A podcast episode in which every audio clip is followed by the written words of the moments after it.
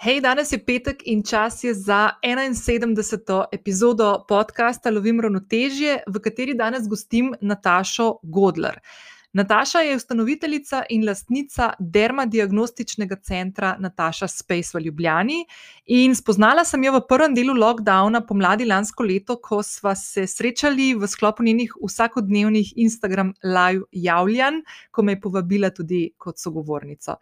In takoj po prvem odprtju, maja meseca, ko smo se delno že vrnili v neko normalnost, uh, sem Natašo in njen center Nataša Space obiskala in dobesedno na svoji koži preizkusila njeno storitev dermadiagnostiko.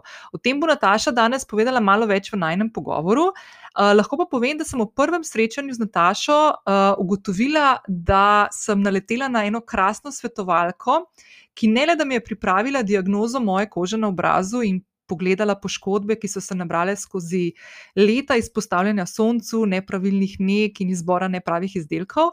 Uh, je na to Nataša naredila še eno stvar, ki mi je pa dobesedno sezula. Jaz namreč nikoli nisem bila neka taka tista ženska, ki ogromno izdelkov. Uh, Preizkuša na svoji koži, ki ima številne izdelke, po katerih posega vsak dan, zjutraj in zvečer. In Nataša je, glede na moj življenjski stil, ki je pomenil manj več, pripravila personalizirano nego za jutra in večere, ki se jo mimo grede držim od prvega dneva, ko sem prišla domov iz njenega centra. In to se mi še nikoli ni zgodilo na tem področju, da bi tako konsistentno ostajala pri neki taki rutini, ki ponavadi nisem pripisovala neke posebne pozornosti. Jaz mislim, da je uh, del tega, zakaj sem tako uh, zvesta temu in zakaj sem tako konsistentna. Uh, ena stvar je v tem, da je to res enostavno in sem enostavno lahko prenesla to novo rutino zjutraj in zvečer v svoj vsakdan. Druga je pa ta, da vidim rezultate, ki so se v zadnjih mesecih pokazali na moji koži, in zaradi tega je ta ustrajnost toliko bolj uh, enostavna. Uh, jaz sem blazno vesela, da ti danes lahko skozi ta pogovor predstavim Natašo, ki, in resnično ne pretiravam, je vključena v moje jutra in večere, tako da se nekako zbujam in grem spat z njo v mislih pogosto. Uh, Nataša že 28 let hodi po poti strokovnjakinje lepotnih ritualov, je prava zakladnica znanja na področju pomlajevanja obraza in telesa in z individualnim pristopom, ki poleg njege zunanjih in teh vidnih delov telesa, vključuje tudi pogled v prehrano, sprostitvene rituale, kot je naprimer meditacija, zdrav način življenja, ki je konec koncev tisti, ki se ga potem opazi tudi na vzven, naprimer na koži. Nataša je svojo strast ujela v krasno oazo sredi prestolnice, ki jo upam, kmalo tudi jaz spet obiščem in nadgradim svojo sedanjo rutino po njenih smernicah, seveda.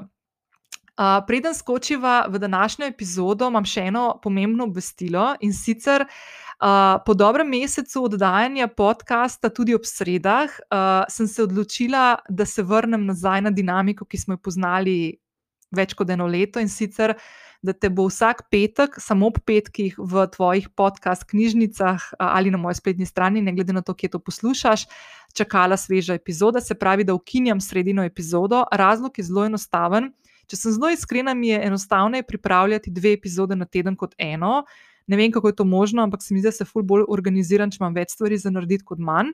Um, ampak sem ugotovila, da tistim srednjim epizodam od, odužrem posluša, poslušanje in pozornost, ko dva dni kasneje izdam novo epizodo. In uh, bi rada, da vsi sogovorniki in vse teme dobijo enako priložnost, uh, tako da se vračamo nazaj enkrat na teden. Ta dinamika se mi zdi, da je kar tako lušna, da ste se tudi navadili, uh, tako da bomo ostali na tem. Preden skočiva v današnjo epizodo, te vabim, kot ponavadi, da se prijaviš, če še nisi na podkastu Lovim Ravnotežje. To lahko storiš zdaj prek aplikacije, na kateri trenutno poslušaš to epizodo. Vedno sem vesela tudi ocen in mnen, ki mi jih pustiš na podkast aplikaciji, ali pa se mi oglasiš na zasebno sporočilo na Instagramu, tam namreč največ časa preživim in se ti bom najhitreje lahko tudi javila. S prijavo dajo ocene in mnenja na aplikacije, pri kateri poslušaš ta podkast, pomagaš, da zanj slišijo tudi te podobne ženske ženske in tudi vedno več moških. Uh, to vedno podarjam, ker je to res edini način, kako lahko tisti, ki se sprehajajo uh, po podcast knjižnicah, najdejo tudi podcast Lovim Ravnotežje. Tukaj mi lahko najbolj pomagaš ti, uh, da bodo te vsebine, ki jih z veseljem pripravljam vsak petek, zate in za ostale. Slišane še pogosteje. In ne pozabi, da tudi tokrat te spodaj v opisu uh, že čaka povezava do zapisa te epizode, kjer je strnjenih nekaj več uh, povezav, ki, ki smo jih danes z Natašo omenili, tako da lahko skočiš tudi tja, in da boš lahko tudi hitreje Natašo ujela in jo spremljala tudi naprej. To je to, skočiva v današnjo epizodo. Nataša, izvoli. Čau, Nataša. Živijo, čau, lepo zdrav. Kako? Lepo zdrav, pravim, živijo. Živijo, živijo, Nataša. Rada nam je, a ne? Ja, končno. Best, best. Ok, mi smo že kar nekaj časa zdaj loviva, neke tehnične težave smo imeli in tako naprej. In sem full vesela, da smo se ujeli. In evo, ki je tak lep, danes še sončen dan. Januarski te bom vprašala najprej, kaj je kakšna taka lepa stvar, ki se ti je zgodila, lahko danes ali pa v zadnjih dneh. Uh, imela sem toliko lepih stvari ta vikend, ker sem si mačkan uh, na ofu vzela za reset in sem bila z mojo srčico in sem se nacrklala in nadružila z njo in napogovarjala in sem imela prav tako super dva dneva. Danes zjutraj sem imela pa še, um, danes pa v bistvu proslavljam. Veš, danes imam en tak poseben dan, da se kar smejim, že cel dan. Danes je namreč obletnica tri leta, odkar sem dobila svojo prvo dermadiagnostično napravo, 19. januar 2018, tako da sem kar mal tako vsa nostalgična. Oh, wow, čestite. Imaš tako zelo pomembne stvari v zadnjem obdobju, ki se ti tako dogajajo. Ja, Zdaj sem imela tudi lansko 20. obletnico, pa tako ne. Ja. In no. to, to me v bistvu vse skupaj malo več spravlja v spomine in v razmišljanje, kako v bistvu se je vse skupaj začelo, kaj se je vse zgodilo, kateri večji dogodki so bili, tako da sem kar tako zelo razmišljajoča v bistvu v teh dneh. Dobro, dobro. Zdaj sem tako čez uh, kakšen me, dober mesec, imam deseto obletnico, ko sem šla na svoje. In mi je tudi tako, uh, se mi zdi, ne vem, tako se mi zdi, da sem taka, da podoživljam vse stvari, ki so se mi v teh desetih letih zgodile in sem si fulh hvaležna, da sem si dovolila to, da sem šla po tej poti, čeprav sem mislila, da sem samo eno leto po njej hodila. Ne. Tako da. Če se razumem. Ja. Okay, preden gremo mi dve do dermadiagnostike in da boš malo več povedala, uh, zakaj ti ta aparat, ki ga imaš zdaj točno tri leta, z današnjim dnem, uh, kako ti služi in pomaga pri, pri tvojem delu. Uh, da mogoče sam na začetku malo prosila, da za tiste poslušalke, ki mogoče tebe še ne poznajo, uh, da mogoče malo najprej poveš, kdo si, kdo je Nataša, pa kako se je tvoja pot življenjska uh, odvijala do danes, ko uh, imaš svoj studio, v katerem svetuješ svojim strankam in drugim, sem tudi jaz ena od njih že, uh, kako skrbijo zase, za svojo kožo, dobro počutje in tako naprej. Za tiste, ki me še ne poznate, sem Nataša Godler iz Nataša Space Media Estetik, kozmetičnega salona. Kdo sem? V prvi vrsti bi rekla, da sem mamica najbolj ljubke šestletnice, ki mi je totalno spremenila življenje. prej sem v bistvu bolj za salon živela, mislim, se še zdaj, ampak uh, tako bi rekla, da je bil prej. Sem se rada pohecala, da je salon moj otrok, zdaj je pa salon moj drugi otrok, ampak oba dva mi pa neznansko veliko pomenita. Ja, moja pot se je v bistvu kar pestro začela. Ne? Jaz sem iz ene zelo mehke vasice pri Krškem, kjer je bila tako 40 let nazaj, ko sem jaz začela govoriti, da bom imela kozmetični salon, je bilo to tako kot znanstvena fantastika in so me vsi malo tako čuden gledali, moram priznati.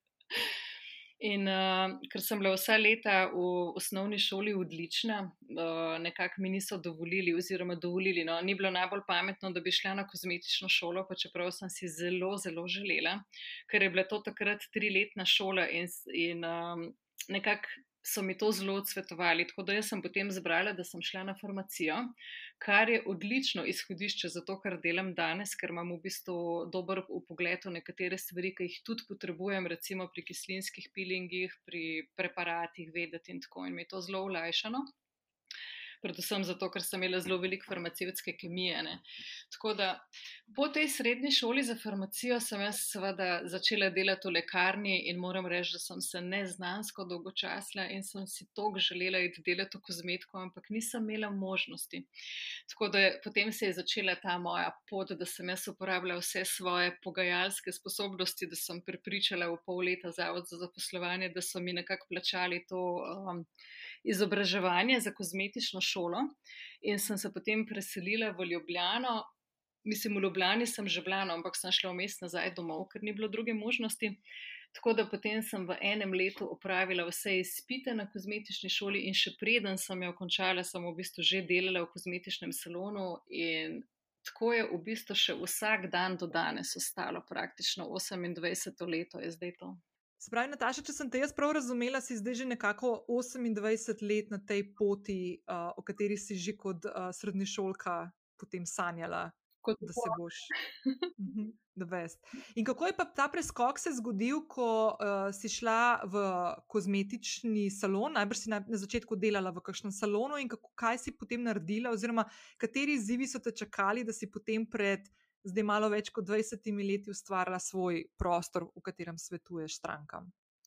Ja, um, jaz sem najprej v bistvu delala sedem let v drugem salonu uh, in potem še v enem. In takrat se je potem v 2020 se je ponudila možnost enega prostora za najem, in takrat sem bila zelo precej, zelo na hitro sem se mogla odločiti, ampak je prevladala ta strast ta želja, v bistvu, ki sem jo imela že čist, čist, čist od Mejhanga in sem se odločila, da bom probala in da če mi ne bo uspelo, bom šla pa pač nazaj v službo. In tako se je v bistvu leta 2000 odprl prvi čist, čist Mejhan salonček, ki je imel približno 38 kvadratov. Oh, wow. Okay. In zdaj je ta salon v 20 letih zrastel v dvonadstropnega v prestolnici. Ja, V prvem salončku sem v bistvu delala vse do 2007, že od 2006 sem v bistvu iskala prostore in uh, mogoče malo smešno, ampak tudi zanimivo, da je moj bivši salonček, ta mečken, prvi otroček na sosednjih vratih od zdaj ta velikega salona. Aha, prav si že skozi v, v tem delu, za Bežigrad. Ja, ja skozi v bistvu celo na istem naslovu, na isti številki, samo za ena vrata smo se predstavili. In leta 2006 sem jaz potem v bistvu kupila oziroma drug del 2.7, je kupila ta večji prostor, ki ima v bistvu 170 kvadratov, in tle smo začeli s 1. junijem v bistvu potem delati. Aha. Noro. In veš, kaj mi je ful smešen, ker te zdaj tako poslušam, ker so take, uh, take prelomnice so se dogajale skladno s tvojimi temi od, poslovnimi odločitvami, ne? da mal po tistem, ki si naredila ta velik premik v nov prostor, ki si ga kupila, uh mhm. -huh. se je zgodila finančna kriza. Ne? In zdaj tvojo obletnico je mal zaznamovala in kar fino posegla v tvoje načrte, da bi, me, da bi to obeležila z nekim takim konkretnejšim dogodkom, ki si ga 20-letnica zasluži, ti je prekrižala načrte. Ena stvar, ki po mojem si v našem življenju nismo nikoli mislili, da se bo zgodila, ena pandemija, ki bo cel svet ustavljala. Tako da se mi zdi tako kar noro. Ja, v bistvu zelo noro. V mojem življenju so se vedno dogajale stvari na sedem let. In zdaj, ko si to omenila, ugotavljam, da se je tudi ta zgodila na sedem let, recesija, pa zdaj ta le korona situacija. Sploh nisem prej, prej v bistvu tega nekako videla. Noro. Noro. Ok, ampak da ima mogoče iti, bomo se še vrnili malo na to, kako, kako dojemaš te izzive uh, v življenju, poslovne in osebne. Ampak me zanima mogoče da bi uh, naredili ta preskok malo bolj konkreten v to, kaj dejansko uh, počnete v tvojem uh, salonu, oziroma mogoče kako se uh, razlikujete, oziroma kaj ponujate drugače kot naprimer nek drug kozmetični salon, ki ga lahko neka stranka obišče. Ja, naše delovanje je v bistvu zelo, zelo drugačno. V bistvu bi lahko rekla, da smo kar v neki svoji niši, da ne spadamo pravzaprav nikamor pred še, oziroma zdaj že pred sedmimi leti, to, tako je bilo v bistvu ta zgodba. Ne? Jaz sem bila ravno noseča takrat in sem rodila. In v bistvu Veronika se je rodila v maju, v septembru sem pa jaz prvič videla diagnostiko, v bistvu ona še ni bila stara pol leta. In to je bila po dolgem času ena stvar, ki takoj, ko sem jo videla, mi je vse alarme v glavi požgala in tisto željo noter, ki imaš tisti gut feeling, da bo neki da bo nekaj res top.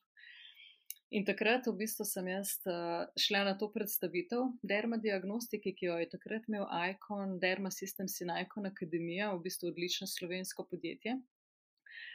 In jaz sem se totalno, totalno navdušila. Tako da to je bilo v bistvu septembra, v novembru smo imeli pa že prvo dermadiagnostiko pri nas v salonu, ker jaz takrat še nisem imela teh znanj, pa tudi na porodniški sem bila uh, je, sem imela v bistvu gostujoči tim uh, specialistov za dermadiagnostiko od Icon Derma Systems, ki so k nam prihajali redno in izvajali dermadiagnostike. In tako je bilo tri leta. Potem je pa moja želja tako močno rastla po lastni napravi, da evo danes mineva tri leta. Odkar sem dobila prvo lastno napravo, sem se pa potem v decembru 2019 odločila še za eno.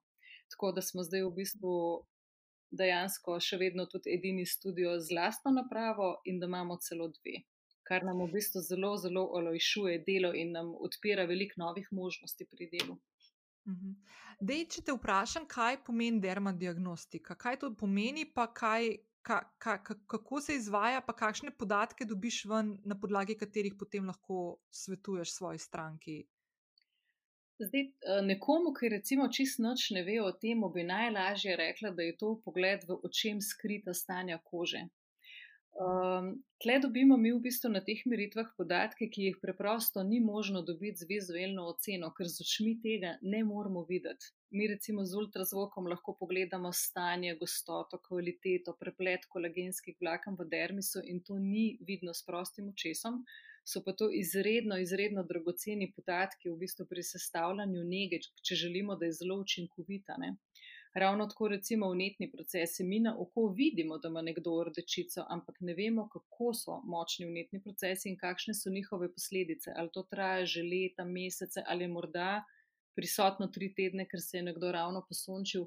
In to so v bistvu taki podatki, ki so nam nepredstavljivi pri sestavljanju individualnega načrta nege. Jaz rada rečem personaliziran načrt nege, zato ker je v bistvu pisan na kožo točno samo tej osebi, kateri se meritve opravijo in to tudi zagotavlja nenormalno boljše rezultate kot s klasičnim pristopom. Zdaj, če te jaz prav razumem, je to tisto, kar smo mi dve, ko sem jaz prišla k tebi, mislim, da je bilo to maja meseca si to tudi pri meni naredila takrat? Ja, pri prvem obisku jaz zelo rada vidim, da se to naredi, ker nam da to pogled v celostno zdravje in stanje kože v bistvu. No, zdaj lahko tako mogoče opišem tako po spominu, kako je to izgledalo, da si v bistvu na treh delih mojega obraza uh, preverila. Tako, mislim, to je tako izgledalo, da ti je na, na ekranu se je tako pokazalo. Um, kako ne rečem, struktur, obar, različno obarvani deli kože, predeli obraza, uh, ki si jih potem ti interpretirala za mene in razčlenila in povedala, kaj vidiš, ne, kaj pomenijo. Pa mislim, da si ti preverila še uh, notranjo stran moje roke. Ja, uh, preverjala smo naredili dva predela, v bistvu, kjer je uh, koža najbolj izpostavljena zunanjim vplivom obraz, pa kjer je najmanj izpostavljena, recimo notranja stran zapestja. Aha, in z vidika uvesevanja. Ne? In se tako potem primerja, kakšna je v bistvu lahko razlika med uh, obrazom, ki je najbolj izpostavljen, in pač problemom, ki ga tukaj lahko, probleme, ki jih lahko tukaj rešuješ, potem ravno zaradi tega, oziroma kako na kakšen način uh, narediš neko. Ne obnovo, ampak mogoče ustavitev nekih stvari, ob, mhm. obnavljanje kože in, in predvsem zaščito, in kakšen je, naprimer, del telesa, kjer ponavadi ne pride do takih poškodb, zato ker ga ne izpostavljamo tako, naprimer, predvsem soncu in žarku. Ja, tako je. Ta primerjava sicer ni nujna, sploh ne, se jo to običajno ne dela, ampak jaz jo zelo rada delam. Zato, ker se izredno lepo vidi, kako je predel, ki je 365 dni izpostavljen zunanjim vplivom, predvsem mhm. drugačen po meritvah od predela, ki je precej bolj zaščiten. In uh, na tak način tudi vi, ko pridete na dermadiagnostiko, velik, um, si veliko bolj predstavljate, lažje razumete, ker meni je zelo pomembno pri dermadiagnostiki ne samo, da jaz dobim podatke za terapijo, ampak da vam čim bolj poskušam približati, kaj se dogaja v koži, zakaj se dogaja v koži, vam na tak nek preprost način pokazati, kakšna je vsem razlika. In kakšna bi koža lahko bila, če bi jo mi drugače negovali, ker po mojih izkušnjah, ko vi res razumete, kaj se dogaja, zato imam tudi ta model kože. Ne? Tako Mhm. da v bistvu tudi vi spremenite pogled na to in se veliko bolj z veseljem in z užitkom negujete, ker točno veste, zakaj eno stvar počnete. Ne zato, ker sem jaz rekla, da bi bilo to dobro, ampak zato, ker vi razumete v bistvu, kaj se dogaja v koži, ko to počnete. In to je tisto, kar je veliko vredno. No, in jaz tukaj lahko čist na svojem primeru in na svojih izkušnjah, ki sem jih imela s prvim obiskom, ko sem prišla k tebi, takrat po prvi tisti, uh, po tistem prvem lockdownu, ko si čist na sveže odprla spet salon po, po dveh mesecih. In se spomnim, ker si točno to mi pokazala in mi razložila. In potem si me vprašala tudi, kakšno nego. Um, Jaz izvajam, zelo kaj, kaj delam, kakšne izdelke uporabljam, kaj naredim zjutraj, kaj naredim zvečer. Lahko povem, da jaz sem, kar se tega tiče, bila vedno zelo taka, da me ta zadeva ni tako blazno zanimala. Um, nikoli nisem imela neke po, posebne potrebe po tem, da bi si delala neko tako strukturirano rutino. Um, manj je več, je bilo pri meni vedno uh, bolj v igri. Uh, tudi izdelke sem zbirala, ampak nisem na nobenemu zelo zvesta. Um, bila sem precej presenečena, moram reči, takrat, ko si mi naredila dermadiagnostiko, ker sem pričakovala, da bodo moji rezultati slabši, zato ker sem vedno zelo rada uživala na soncu na plaži med poletji. Uh, pa, pa ni bilo tako slabo, kot sem pričakovala, ampak ravno to, kar si zdaj omenila, da si naredila to primerjavo, je meni dalo pokazalo, kakšna je lahko razlika med različnimi deli telesa. In takrat tisto, kar si meni svetovala, pa izhajala si, to mi je bilo fulu všeč, tako kot si prej omenila, da delaš res personalizirano. Svetovanje si izhajala iz tega, da sem jaz oseba, ki ne bo dajala 16 različnih izdelkov, malo pretiravam, na obraz, zjutraj ali pa zvečer. Um, si mi naredila tretma, ki dejansko ga danes, se pravi, kaj zdaj to, 7-8 mesecev kasneje, še vedno uporabljam. Vsak dan, ni bilo dneva, ko ne bi zjutraj in zvečer se v bistvu zbudila in zaspala s tabo, oziroma s tvojimi besedami in s tvojimi napotki. No, da jim tako rečemo. Uh, in se mi zdi to ful pomembno, čez, ker jaz, ko, ko, ko me, ko, jaz sem že pre, prenešteto o enih kozmetičarkah in tako, nisem nikoli dobila tega občutka, da nekdo, ko mi nekaj preda, nekaj pove, da sem razvila tako zaupanje, da sem te stvari odnesla s sabo in spremenila svojo rutino, kar se mi zdi čist noro. No? Hvala lepa. Ja, nekaj. Tako da se mi zdi ful pomembno to, no, zato ker uh, in se ful dobro počutim. In sicer jaz mogoče ne opazim um, na izgledu kože bistvene razlike, opazim pa na otipu. Uh -huh. Ne? Moja koža je ful, ful gladka, taka, taka uh, dojenčkasta na trenutke. In, uh, in to, na primer, opaz, opazim v zadnjem obdobju. Bom povedala še zakaj, ker sem še eno stvar probala, pol, pa bo do tega še prišli. Ampak mogoče veš, kaj bi se jaz lotila, Nataša. Um, ene par takih um, mitov ali pa zmotnih prepričanj. Ker sem jih tudi jaz imela dolg časa, no, uh, pa jih v bistvu skupaj s tabo malo razbijam, tudi konec koncev za vse tiste poslušalke, ki mogoče Nataša še ne poznate. Uh, jaz bom polinkala vse stvari tudi v, v show notes, uh, tudi njen Instagram, na katerem ogromno ene vsebine zanimive uh, na to temo uh, uh, daje svojim sledilcem na voljo, tudi uh, ogromno majhnih videosebin, IG live z zanimivimi sogovorniki in tako, pa tudi seveda spletno stran, spletno trgovino, kjer lahko kupaš tudi te izdelke in tako naprej. Ampak definitivno, kot je Nataša rekla, je full fine, da, da se najprej vzame neko svetovanje, pa potem se sestavi skupaj z Natašo nek, nek plan. Uh, rutin oziroma izdelkov. Ampak, veš, kaj je pač prva stvar, ki mogoče mene najbolj zanima in je povezana tudi s tem mojim obiskom pretep, ki so ga imeli maja meseca lani. Uh, kje so tiste najpogostejše stvari ali pa težave, ki jih opaziš pri svojih strankah, ki se tako ponavljajo zelo? Najpogostejša, mislim, vedno je napaka v bistvu ena, da njega ni pisana vam na kožo. Je zelo pogosto, ker prijateljice ena krema odgovarja, ker smo slišali na enem blogu, ker smo prebrali eno reklamo. In prva stvar, ki bi se mi morali vedno vprašati pri negi obraza, je, kakšen je moj cilj nege, kaj bi rada dosegla. In potem se šele določi, s čim bomo to dosegli. Ne? Če njega ni pisana nam na kožo, ne more prinašati rezultatov. Ne more. Ali pa saj ne zadovoljujočih. Ne? In to je v bistvu najpogostejša težava. Um, da dejansko jaz zelo veliko poškodb vidim iz tega naslova na meritvah, ne? ker se uporabljajo preparati, ki niso primerni za tak tip kože ali za tako pridruženo stanje, ali ga celo poslabšajo. Ne? Tako da to, da njega ni pisana nam na kožo, to je v bistvu najpogostejša napaka.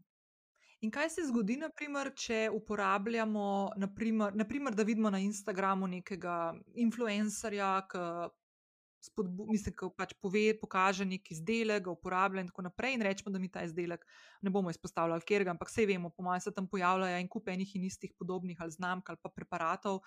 Uh, in, um, in, naprimer, to mi uporabljamo, kaj, kaj se lahko zgodi s kožo, kakšne so tiste, tisti rezultati, ki jih pol ti opaziš, uh, ki pridejo stranke k tebi, uh, pa najdeš to skupno točko, da so uporabljale neko, neko stvar, ki je mogoče ni sedla ali pa jim je dejansko tudi naredila škodo.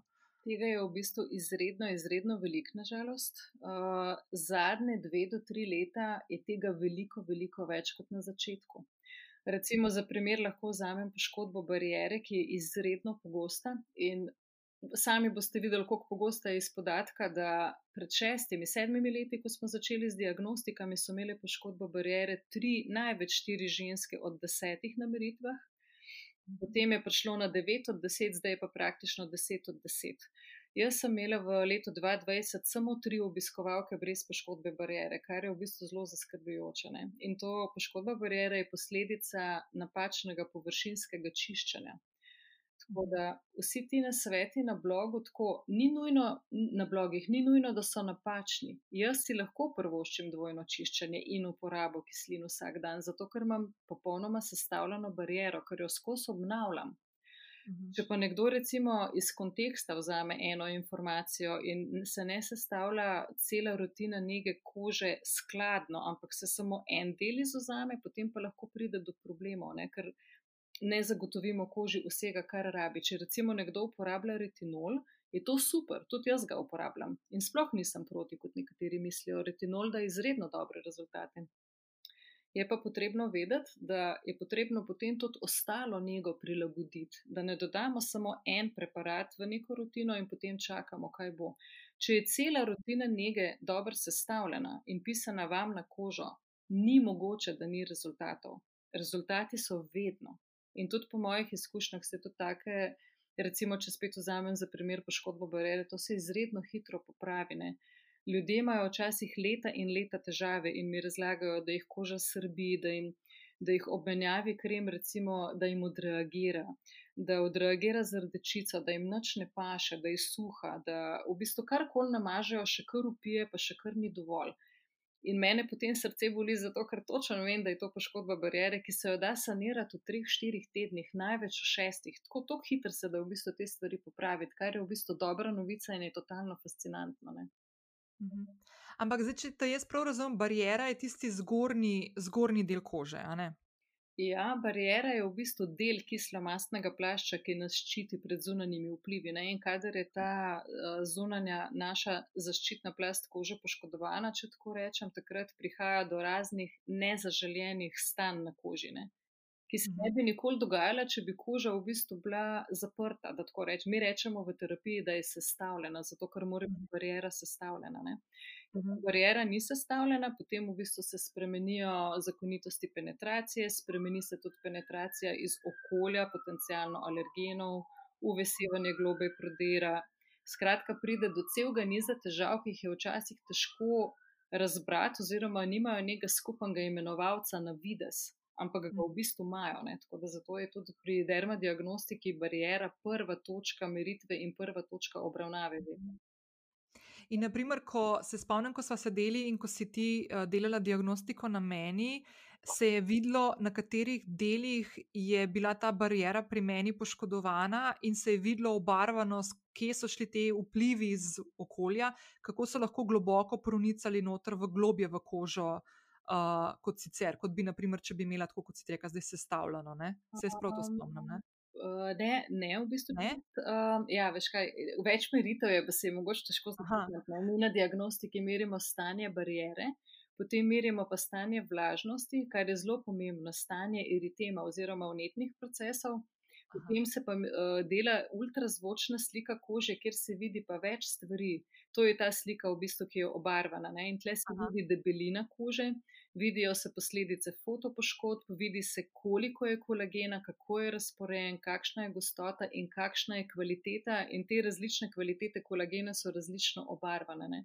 Tako da iz vseh teh parametrov skupaj, potem, ko jih sestavimo, dobimo pa tak celosten pogled v to, kaj se dogaja v naši koži in predvsem, če so kakšne težave, koliko časa se že to tudi dogaja. Ne? Aha, točno. Ja. Zdaj sem se spomnila, ker si kolagen omenila, da si se spomnila. Ja, uh, okay. Uh, ok, zdaj jaz tebe ne bom vprašala, pa tudi jaz ne bom povedala, kakšne, uh, kakšno imam jaz nego, zato ker je to po mojem čist irrelevantno uh, za poslušalke, zato ker je vsaka od nas res različna in je Mhm. vsaka mora neko svojo. Individualno. Kako? Individualno je. Točno tako, ja.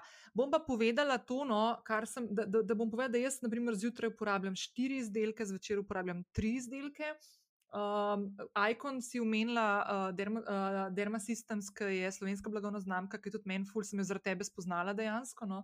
In sem ful, ful njihova fenica, ful mi je všeč in so mi top izdelki. Tako kot sem rekla, meni se zdi tako že na tip koža, čist, čist nora. Uh, bi pa eno stvar mogoče, kar se tiče samih izdelkov. Ne? Zdaj, naprimer, če to nekdo posluša, ki ni v Ljubljani ali pa nima možnost, da bi prišel do tebe, pa razmišlja o tem, da bi si naredil neko rutino. Kaj so tiste ključne stvari, ki mogoče bi lahko tako prek oka, če bi sploh hotla, se lahko rečeš tudi ne.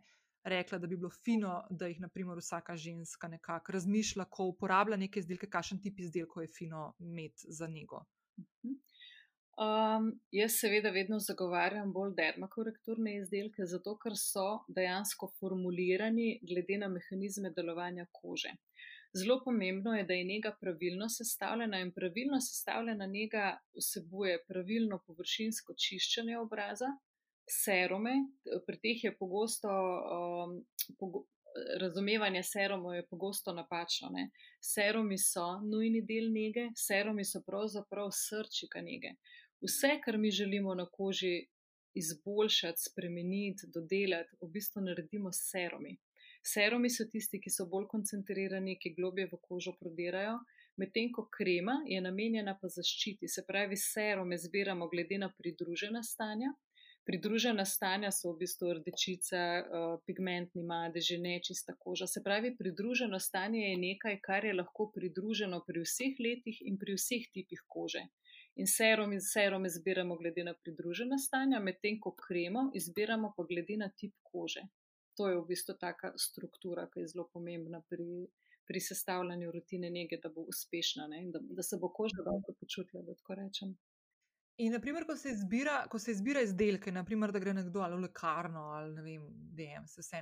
Kaj je tista stvar, mogoče, ki je vedno fino preveriti na teh uh, deklaracijah, da mogoče se izognemo kakšni, kakšnemu izdelku, ki vključuje stvari, ki lahko škodijo naši koži? Je kakšna taka posplošena um, struktura nekih takih stvari, ki jih je fino preveriti?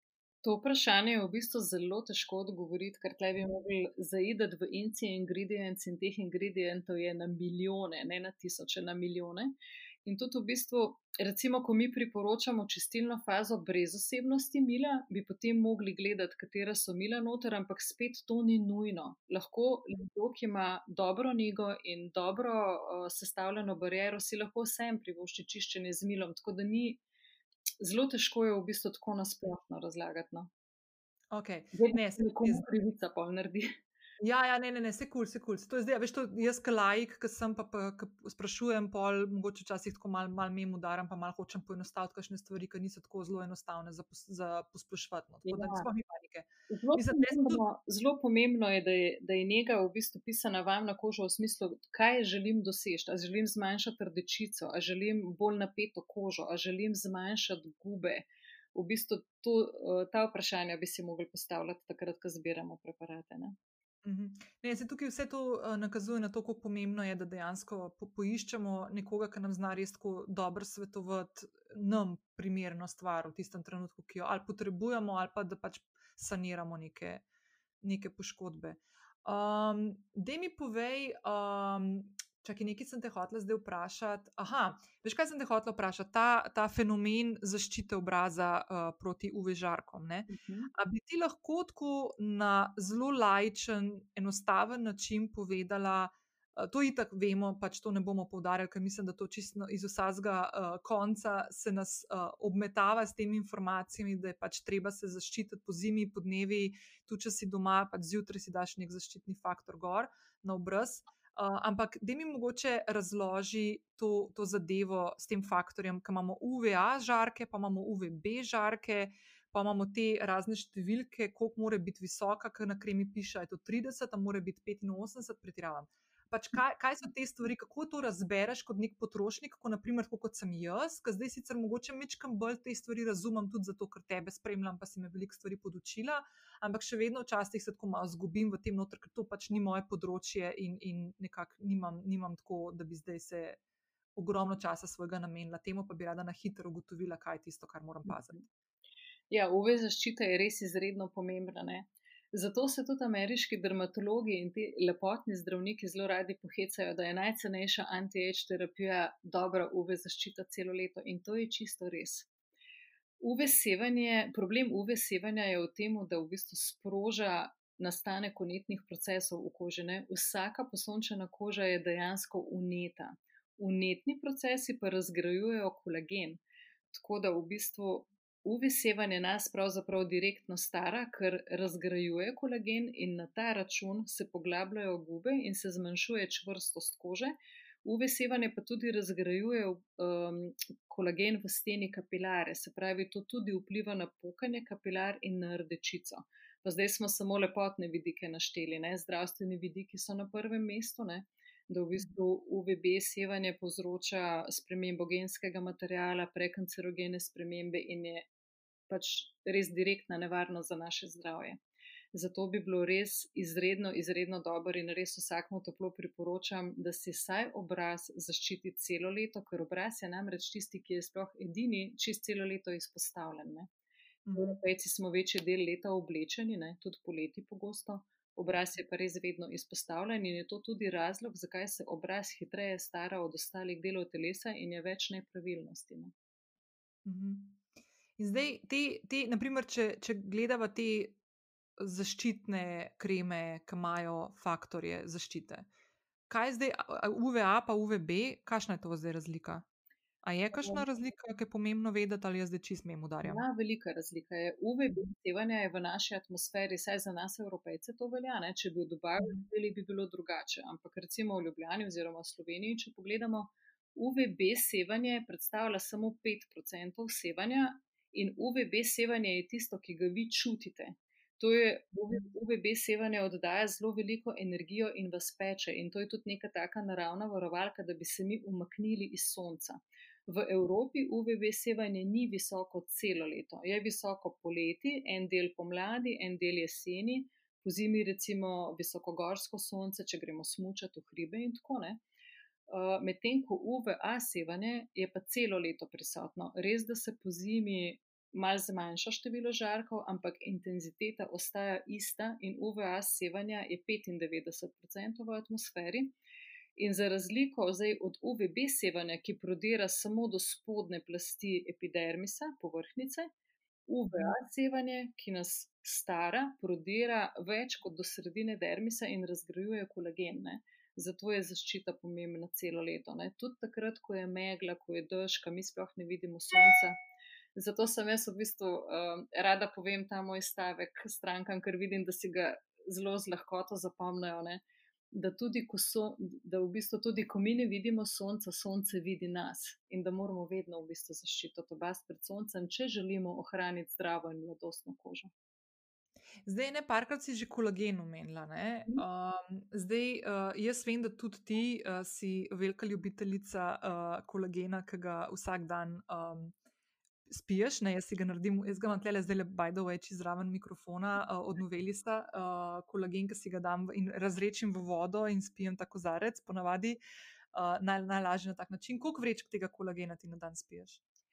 Jaz običajno vzamem eno vrečko, naredim pa parkrat letno kuro, da jemljem dve vrečki Cinovelius Medical. To je recimo v karanteni sem naredila kuro z dvemi, vedno, vedno, vedno poleti na dopustu, takrat, ko je povečana razgradnja kolagena, drugače pa za dosti ena. Dve recimo dajemo tudi takrat, ko delamo kakšne terapije za povečanje sinteze kolagena, kot je mikronidling, radiofrekvenčni mhm. kislinski pilingi, zato da zagotovimo telesu, da ima res dovolj gradnikov. Ne.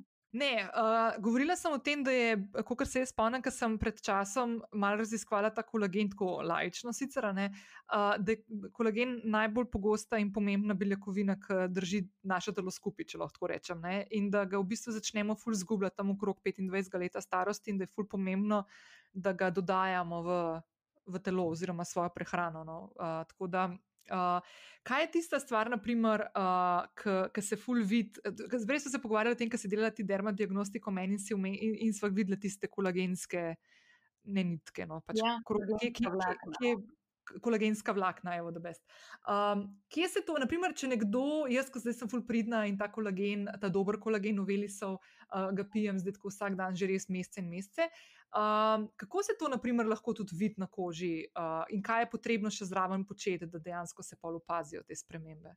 Ja, kolagen je v bistvu daleč najbolj razširjen, razširjen strukturni protein v našem telesu in ga je kar 30%. Zato tudi v bistvu rečemo, da kolagen še zdaleč ni, kolagenski dodatek še zdaleč ni samo za kožo, lase in nohte, ampak je dejansko za celostno pomlajevanje, ker je 30% vseh telesnih beljakovin kolagen in to je, kar predstavljate se glede na našo težo, v bistvu ogromno, kar v kilogramih kolagena. Ne? Po 25. letu se začne kolagen počasi razgrajevati, to je čisto normalen fiziološki proces staranja, ki smo ga deležni vsi, jaz, vi, mi vsi. Ampak uh, to, kar je, kar je pa zelo pomembno, je pa, da ne pospešujemo razgradnje kolagena z uvesevanjem. Uh mhm. -huh. In uh, tle lahko grem mogoče čist na začetek, zakaj sploh pet stebrov pomlajevanja. Ne? Jaz v bistvu delam po petih stebrih pomlajevanja in uh, ti stebri so v bistvu age-well prehrana, prehranski dodatki, pravilna njega doma, pravilna njega v salonu, pa skrb za psihofizično telo. Ne? In zakaj prehrans, eh, prehranska dopolnila in uh, age-well prehrana? Zato, ker to, kar vnašamo vase, iz tega se mi v bistvu obnavljamo. Ne? Mi smo zdravi in mladostni toliko, koliko je zdrava in mladostna naša osnovna gradbena enota in to je celica. Ne? Z vnosom kolagena, s pravilno prehrano, tudi z ostalimi dodatki, mi v bistvu saportiramo telo. Ne? Če mi vemo, da po 25 letu se začne razgrajevati in začnemo to dodajati, mi v bistvu upočasnjujemo proces staranja oziroma degradacije celega telesa, da tako rečem. Ne, ne moramo staranja ustaviti, lahko ga pa zelo upočasnimo z vsem tem. Ne. To so vse taka urodja, ki so nam v odlično pomoč, da vzdržujemo v bistvu zdrav in mladosten vides in tudi sijoče počutje, ne samo vides. Ne. Mhm. Zdaj, za eno žensko, ki je tako rečemo najna generacija, ne, uh, kako, pa vse vem, da je to spet fully individualno, ampak naprimer, kje so tisti prehranski dodatki, ki naprimer, se ti zdi, da, da bi definitivno jih mogla ženska vključiti v naprimer, svoj vsakdan? Jaz bi vsekakor pri vsakem posamezniku vključila kvaliteten kolagenski dodatek, Zdaj, kaj je za me kvaliteten, to, da je brez aditivov, da ima ustrezno sestavo, da se odlično absorbira, ker na trgu je res zelo velik in je tudi velika zmeda s temi dodatki. Potem obvezno D-vitamin. D-vitamin je v bistvu ključen vitamin za kožo in za naš imunski sistem in za ženske še posebno, posebno pomemben, zato ker uh, v nadaljevanju preprečuje osteoporozo. Ne? Potem recimo omega-3 bi lahko tudi izpostavila nasplošno vse zdrave maščobe, ne samo omega-3. Ne? Se pravi, jaz uživam tudi zelo velike količine, tudi sploh se v anti-age režimu prehrane priporoča veliko olivnega olja, laneno olje, boragovo olje, svetlinovo olje, konopljeno olje. Ne? Maščob se v bistvu premalo uživa ne? in maščobe so dejansko tekoče zlato za naše telo, ker je prav vsaka membrana celice iz maščobe in telo rabi zelo veliko maščobe. Pri ženskah recimo tudi za tvorbo hormonov. Ne? in to tudi vpliva na hormonski status. Tako da to bi dejansko res vsakmu priporočala. Tudi C-vitamin je tak dodatek, ki bi ga vsakemu priporočala. Ne? C-vitamin sodeluje v ogromno um, reakcijah v našem telesu, v ogromno procesih, je pa tudi kofaktor pri sintezi kolagena, ne? tako da je izredno pomemben v tem procesu. Mm Ok, uh, še ena stvar, ki sem jo jaz zdaj v zadnjem obdobju uh, uporabljala, pa jo bom v bistvu omenila, predvsem iz vidika, ki se mi zdi noro fascinantno, da se nekdo tako loti uh, razvoja svojega izdelka. Pa bom omenila tvoj serum, ki si ga, mislim, da dva meseca nazaj predstavila in je plot enega zelo konkretnega in dolgoročnega načrtovanja. Uh, jaz ti povem, da sem včeraj ga, po mojem, uh, porabila do konca. Ne? Moja je bila včeraj zvečer, ker danes zjutraj ga nisem imela, ja, včeraj zvečer, tako da kb se zmenili. Uh, Dej mi povej mal, kako je to izgledalo razviti en tak svoj, še enega svojega dojenčka, uh, kaj, kaj je, kaj ta serum je, zakaj je fajn ga imeti, zakaj je fajn ga uporabljati, pa kako je izgledalo to, kar si sodelovala z eno veliko um, hišo, tujo, ki tudi prodajaš in uporabljaš njihove izdelke in jih, svetuje, in jih svetuješ svojim strankam, in kako to potekalo. To je bil v bistvu zelo, zelo zanimiv proces, ki se je začel. Rodil se je v moji glavi v bistvu pred dvemi leti, decembra, začel se je realizirati januarja lansko leto, se pravi eno leto nazaj takrat, ko sem bila jaz v Kelnu na izobraževanju na headquartersih od dr. Vosa. Jaz sem imela namreč idejo, da bi za 20. rojsten dan imela en svoj serum, ampak res, jaz sem že res zelo velik stvari probala. Ne vem, če je sploh še kaj, kar nisem probala na svoji koži in imam v bistvu zelo visoke zahteve. Hkrati se je to mal teplo s tem, da nisem vedela, če bo to primerno za naš trg, če bo sploh popraševanje. Ampak kot pri vseh stvarih, kjer je strast, volja in moč do tega, v bistvu, da si želiš to narediti, je to prevladalo. Ne? Da jaz sem si želela v bistvu serum, ki bi res močno pomlajeval kožo. Tudi jaz sem že v teh letih, ki to rabim, ne? pri svojih skoraj 47. Tako da to je v bistvu serum, ki je bil res z ljubeznijo in strastjo formuliran v izredno dobrem laboratoriju dr. Vosa v Nemčiji. Zakaj sem zbrala v bistvu njega? Zato, ker uh, dr. Vos je doktor kemijskih znanosti s 45-letnimi izkušnjami, s timom znanstvenikov. Jaz točno vem, kje so moji limiti. Jaz vem, da jaz sama ne morem res dobrega izdelka formulirati, ker jaz nisem kemik, ne? pa tudi v bistvu moje osnovno delovanje ni to. Zato sem jaz njemu povedala v bistvu moje želje, kaj bi jaz vse želela imeti v tem serumu, potem smo pa to skupaj formulirali, oziroma formulirali so oni. Jaz sem pa veliko testnih verzij vmes poskusila, ker smo kar nekajkrat serum tudi spremenili, zato ker ima tako veliko količino aktivnih sestavin, 13, ne to je veliko za en serum in od tega jih je kar nekaj v maksimalni koncentraciji, da je to v bistvu bil kar izziv, da bi bil serum še vedno lahek, lepo penetriral, da bi res efekt naredil na koži, da ne bi povzročal dražanja z vsemi temi sestavinami. Ne? Tako da to je bilo. Mislim, tako zelo zanimiv projekt je bil to no? in sem zelo vesela. Zato sem ga tudi poimenovala Ageless, ker mislim, da je za tak brezčasno lep videz koženo. No, sej, jaz mislim, da sem ravno zdaj v tem zadnjem obdobju, eh, konc lanskega leta, ki je bilo glitko en dober mesec, pa pol, ki sem uporabljala, se mi zdi, da sem prvič tako imela res ta občutek, tako, da je res moja koža, tako pač dojenčka. Res, mislim, po mojem, je bil ta serum tisto, če sem zelo iskrena. Tako da, tako da, full dobro. Um, okay, uh, še to dodala, pri tem serumu se rezultati vidijo šele pri konstantni uporabi, ker bistvo tega seruma so signalni peptidi, to je ta botox-like efekt, ki izredno vpliva na mimične gube. In ti efekti se vidijo, dokler mi preparat uporabljamo in če ga redno, mogoče sem to dodam, ker Aha. nisem kaj dosto sestavil. Ampak... Aha, ok. No, pa, pa se pravi, bom šla spet na, svojo, na tvojo spletno trgovino, v redu. Dobro. Uh, jo imam kar doskrat pržgano, veš, se si popazila, ne najbrž. No, tako da, ja. hvala. tako mimo grede, ja, še za vse ostale, ki boste kaj iskali. Tudi, Nataša, ti imaš tudi neki uh, prehranskih uh, dopolnil, ki smo se prej pogovarjali, jih imaš tudi na spletni trgovini, a ne? Ja, zelo. Mi smo v bistvu vse to naredili v prvi karanteni, dodelali pa v drugi, zato ker pač naše delovanje še zdaleč ni, nima prioritete spletne trgovine. Smo, Jaz sem dejansko spletno trgovino postavila samo zato, ker imamo veliko strank uh, obiskovalk, ki niso iz Ljubljane ali so pa celo iz tujine, da je lažja dostopnost. Ne. Potem se je pa to v tem letu nekako izkazalo za nuja in smo mogli res totalno to dodelati. No. In mhm. vedno dodelujemo, ker naš, naš primarn, uh, naše primarne delovanje je svetovanje v živo, v salonu, ne, in ni to trgovina, to je pa zdaj v bistvu neka prilagoditev novim izzivom. Uh -huh. Ej, ampak kako, ker ti imaš tudi svetovanje prek Skypa? Ja. Kakšen del svetovanja lahko ti narediš tako, naprimer, nadaljavo? Ne? Jaz nadaljavo v bistvu lahko naredim zelo, zelo veliko, je pa potrebno izpolniti vprašalnik, ki je kar dosti podroben. Ta vprašalnik v bistvu zajema vse od vprašanj o vašem zdravju, o menstrualnem ciklusu, o spalnih navadah, pač prehrano, prehranske dodatke, zelo, zelo veliko vprašanj in na podlagi vsega tega in tega, kar vi uporabljate doma, in na podlagi tega, kakšne so težave, jaz v bistvu ta vprašanja prej preučim in takrat, ko se mi dobimo na Skype svetovanju, potem vse to predebatiramo čez pogovor in sestavimo skupaj eno tako nego.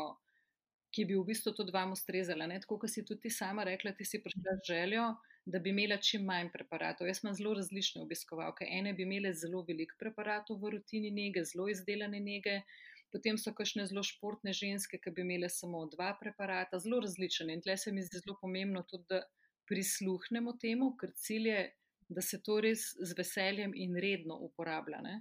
Tako da mhm. vse to v bistvu je nekako zajeto. In na Skype svetovanju lahko, bom rekla, kar na 80% v bistvu naredimo nego, tudi na več. Aha. Okay. No, mislim, ta del, ta del se meni zdi res ključen. Da, če ponovim to, kar sem že prej povedala, da to, da si na tak način se prilagodila mojemu življenjskemu stilu, ki se ne vrti uh, okrog teh nek in rutin obrazne, obrazne nege, naprimer. Mene je to tako prijel, da dejansko, kot sem rekla, prej ne mine dan, ko ne bi naprimer, naredila in zjutraj in zvečer tistega, kar smo Maja dorekli. Mimo grede, vključno s tistimi šestimi dnevi, ki sem jih v lanskem letu uspela preživeti na morju, kadar mi ponavadi vsa rutina res razpade. Ne. Tako da uh, se mi zdi to. Po mojem, ne vem, če ti lahko dam lepši kompliment, no, če se skriva. Kaj vem, pomeni. V prvi vrsti, da ste vi zadovoljni. Če ste vi zadovoljni, sem jaz zadovoljna. Ej, preden gremo naprej, mogoče vprašanje, zdaj bom malo sebična, pa bom malo postavila za sebe. Um, a bi bilo fino, da jaz pridem v kratkem pogledat, kakšna je sprememba, tudi na, da narediva še enkrat tisto dermadiagnostiko, pa da vidiva, kakšna je razlika uh, od maja meseca, ki si predko umenila, da se te stvari lahko hitro obnavljajo, ali, ali kako naredi, kaj bi bilo fajn. Ja, to bi bilo vsekakor zelo v redu. Mislim pa, da če smem, če smem zdaj še jaz biti ne manj mhm. predrzna, ali kako bi rekli, ker bo to najmanj v bistvu upgradati potem rutino njega. Ne? Zdaj, ko okay. je enkrat ta osnovna njega urejena, so v bistvu možnosti neskončne. Zdaj ti si rekla, da opažaš, da je koža mehka, ampak da ne vidiš pa takih vidnih sprememb. Ne? Za vidne spremembe rabimo pa več aktivov. Ne? Najprej obnova barijere zmanjšanje vnetnih procesov poskrbimo, da je koža zdrava, da se dobro počuti. Mm -hmm. pa, ko je to narejeno, upgrademo, ne? potem lahko gremo pa na bolj aktivne sestavine, ki nam pa lahko potem pa večje razlike naredijo na koži, če je to želja, seveda. Ne? Ja, ful dobro, no, lej, super, meni je to zdaj čisto fascinantno, rata, veš. Tako da, absolutno, bo, mogoče, ko bomo tole dali v eter, bo že kakšna sprememba pri ukrepih, ampak sign me up in pridem zelo malo, da ponoviva vajo. Veš, ko boš spet lahko imela odprt salon, pa upam, da pol se ne bo nikoli več zaprl.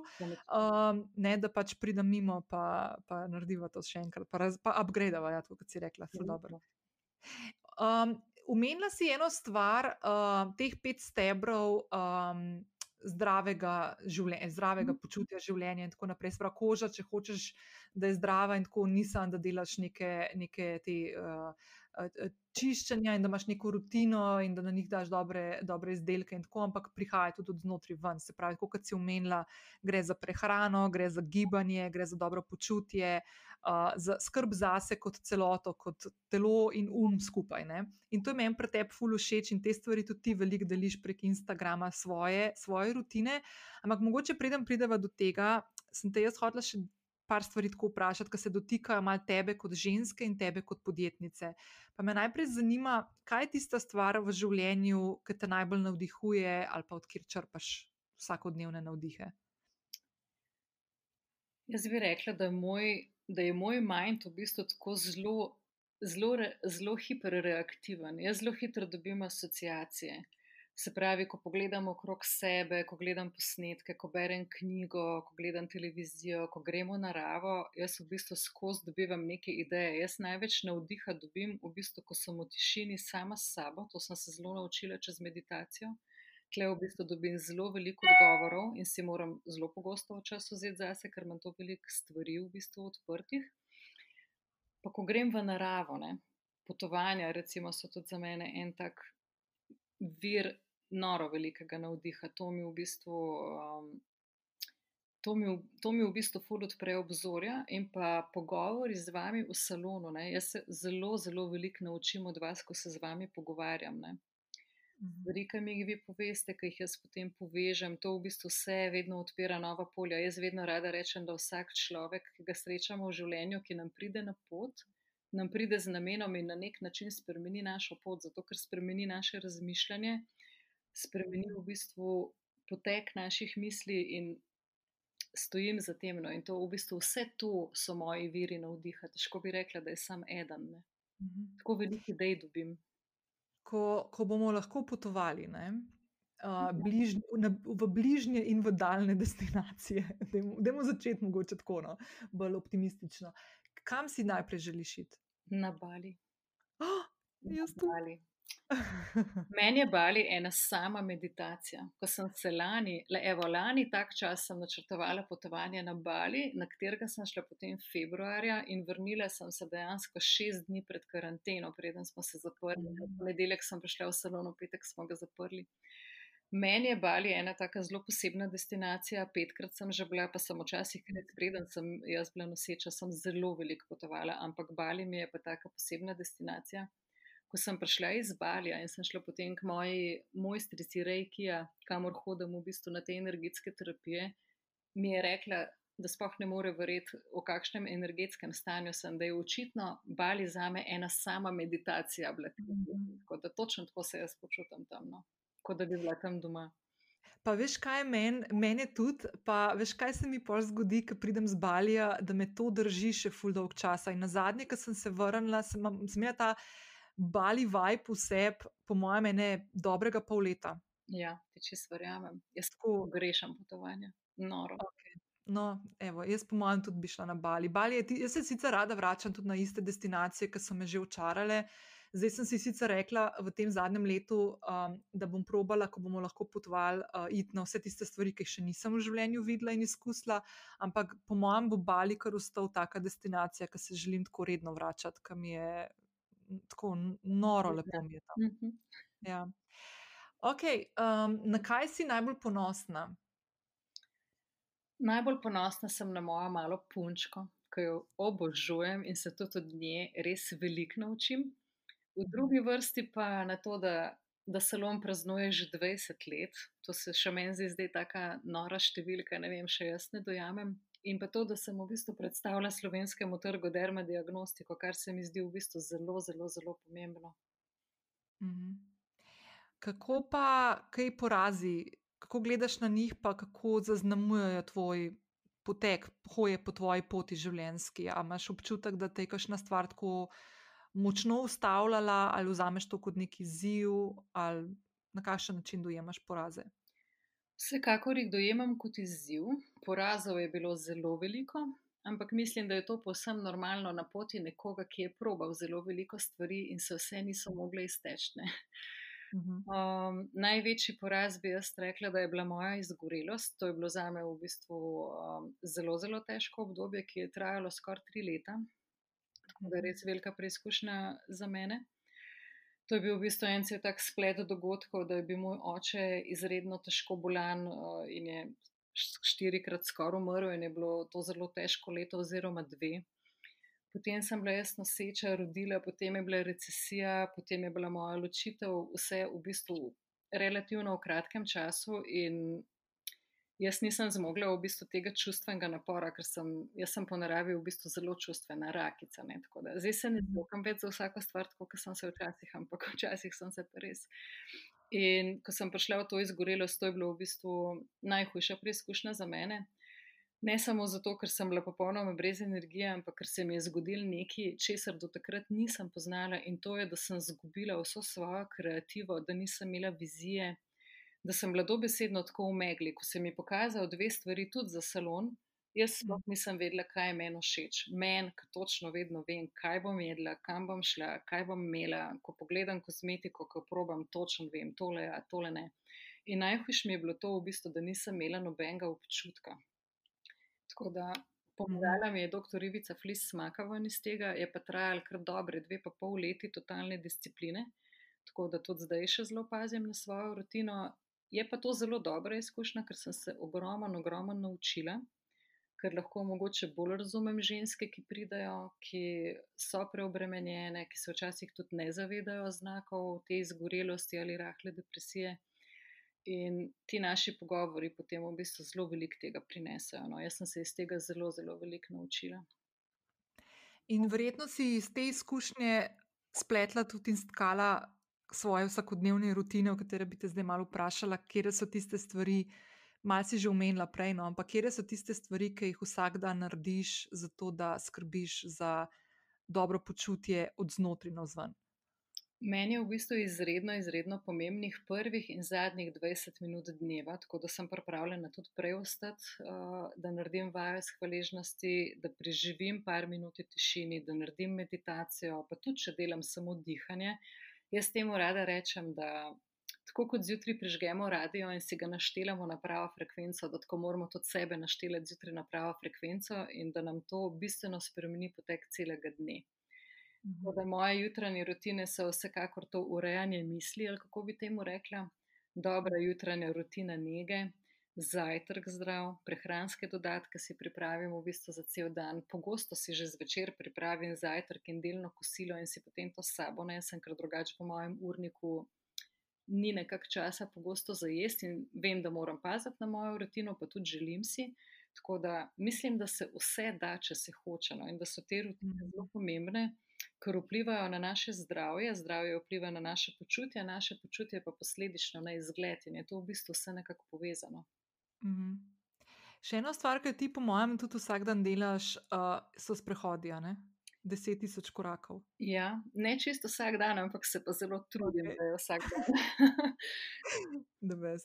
Ej, mimo grede, ne, da ti povem, da sem tudi zdaj to začela dajati na visoke obrate in zdaj tako eh, mi je fuli ziv, če naredim. Vem, v nedeljo sem šla na en štirurni sprehod. Da ti ne povem, da imam tak muskelfiber še danes, ne, to je že dva dni kasneje, da tako komi hodim, ne, ampak ful dobr. In, uh, in mi je tako te sprehodi, zdaj so v tej karanteni, ta drugi, moram reči, da sem začela uživati in prav rabim iti ven, tudi če je naprimer kakšen deževen dan. Grem tudi v dežju z dežnikom na sprehod, kar mi je čisto fascinantno, ker si nisem mislila, da bom kdaj prišla do tega, uh, do tega stanja. Um, in velika cena te spomnim, no, uh, ker grem na sprehod, pa si tako mislim, evo, le si najbrž pa Nataša tudi, ki je šla dol. Ja, jaz te čisto razumem. Ok, pa pa čist na koncu, uh, me pa zanima, kakšna knjiga, film, serija, podcast ali pa mogoče kakšen album glasbeni, kaj je kakšna taka stvar, ki prvo stvar pomisliš, kaj ti to omenim. Jo, knjige pri meni so, so večinoma samo strokovna literatura ali pa meditacija, ker me to res toliko zanima. Vse zato se jaz zadelam, ker me to toliko zanima, veš, da to vse mhm. raziskujem. Serijo imam pa zdaj eno priljubljeno uh, White Princess pa White Queen, zgodovinska. Anglija, okay. Francija, kraljevine, kako je to vse nastajalo, to me zdaj čisto fascinira. Kje pa to gledaš? Uh, to pa gledam na HBO-ju, na HBO. Ja. Aha, ok. Si, kje je tvoje, e, to pa še nisem nobenega vprašala. Če bi, če bi lahko zdaj, to je zdaj tako butasto vprašanje, ampak jaz imam ful dobro odgovor, ker si bi ga ful želela, če bi bilo to možno in tam ta, ta časovni stroj vklopiti. Uh -huh. S katero zgodovinsko osebnostjo bi šla tako na kavo ali pa na kosilo, da bi se res lahko imela možnost ful pogovarjati. A si kdaj razmišljala o tem? Ne, nikoli nisem razmišljala. Je veliko osebnosti, s katerimi bi se želela zelo pogovarjati, ampak nobena od njih še ni zgodovinska v bistvu. A so še žive? Ja. ja, okay. Dobar, ti imaš to rešen. Ker jaz imam kraljico Viktorijo, jaz bi šla z njo, meni je bila ona taka, tako fulno oseba, tako fulna pred svojim časom v določenih stvarih. Uh, uh, in bi tako ful bi šla. Jaz bi šla z njo. Pa, fulkrat poslušam, ker si omenila meditacijo, velikrat, vse sem to že velikrat povedala, da zvečer pržgem uh, te pravljice meditacijske na, mojemu, na moji aplikaciji in si največkrat, sploh če imam kakšen večer tak, ker ne morem zaspati, ker sem tako tako. Razdražena ali pa tako, kaj, ali pa tesnobna, pa se vse en, pač, da, da mi ne da, da bi šla se umiriti ponavadi vedno pol to kraljico Viktorijo zberem. Po mojem, sem rekord podarila že v tej aplikaciji. Ne vem, če kdo večkrat to poslušal, kaj jaz. Jaz sem pa podarila rekord v tem, da sem tolikrat gledala film Mali Buda, ki mi je to klep. A res? Se mi zdaj spomnila. Ja, ej, Nataša, jaz sem ful vesela, da nam je ratal tole posnet, uh, da smo se dobili in ful komi čakam, da se te stvari malo umirijo in da bom lahko k tebi prišla na, uh, na preverjanje stanja in situacije, kako sem bila v navednicah pridna, ker sem bila no, tako da. Ja. Uh, pa da se malo vidva, pa da ponoviva tisto, če se spomniš na eno. Uh, Druženje enkrat poleti, ki smo se dobili, uh, nažalost, tistega placa ni več, ko se je zaprl, ampak bo našla kaj drugega, pa da greva na kakšen sprehod. No. Ja, veš kaj, jaz ne vem, če se kdo bolj veseli kot jaz, da bi se salon odprl. Mislim. Jaz sem prvič v 28 letih toliko časa doma, že peti mesec, in sem rekla, da bomo zdaj naprej bolj natančno definirali moje želje. Uno, be careful what you wish for, ker sem rekla, da bi malo več časa rada imela zase. Sam nisem tako mislila. A tega univerzum ti ga je tako v izobilju ponudil? Ja, ja, ja. Ej, Ej, Nataša, jaz ti tudi želim, da to čim hitreje, da se vrneš k svoji strasti, v, ne samo v 80 odstotkih, ampak v 100 odstotkih in več, tako da boš lahko delala tiste stvari, ki te veselijo in s katerimi veseliš in navdihuješ tudi vse ostale, ki pridemo v stik s tabo. Hvala ti lepa. Ej, lepo bodi. Enako, lep dan. Ciao. Nataša, hvala. To je to. Jaz sem vesela, da smo prišli do konca. Hvala vsem, ki ste ostali in ostale do konca z mano. Uh, slišimo se prihodnji petek. Uh, ne vem še čisto dobro, ali bom jaz to pripravila, kakšno solo epizodo, ali bom imela kakšno gostjo, gosta. Bom še videla, se bom odločila čez teden. Um, je pa tako, da zaključujemo januar, začenja se februar, drugi mesec leta, fajn skoči van. Uh, Uh, tisti, ki malo spremljate v zvezdi in tako naprej, lahko povem, žal, da moram prenašati, če niste tega slišali druge, informacijo, da se začenja retrogradni Merkur. Uh, ki bo trajal tam nekje do 20. in 21. februarja, kar pomeni, da boste malo pozorni na komuniciranje, ker so nekateri ljudje kar dovzetni za te stvari in spremembe. Jaz tudi pri sebi to včasih opazim, da smo malo bolj taki razdraženi, se kaj hitreje skregamo za kakšne stvari ali pa crkne kakšna tehnika in tako naprej. S tem smo danes imeli z Natašo, ki smo pripravili tole epizodo, kar nekaj dela. Uh, je skozi neki se dogajalo nama na obeh koncih, tako da uh, brez retrogradnega Merkurja, tako da zdaj, ko mi čakam, da vidim, kaj bo naslednje tri tedne tedne, not, ampak ok. Tako da, evo, uh, mogoče bo malo tako obdobje, um, kako ne rečem. Malo tako zanimivo, uh, dinamično, mogoče bolj kot sicer. Ampak ne glede na to, uh, v vsakem primeru se slišimo naslednji petek, uh, do takrat pa lepo bodi, lep petek, še lepši vikend in uživaj. Ciao!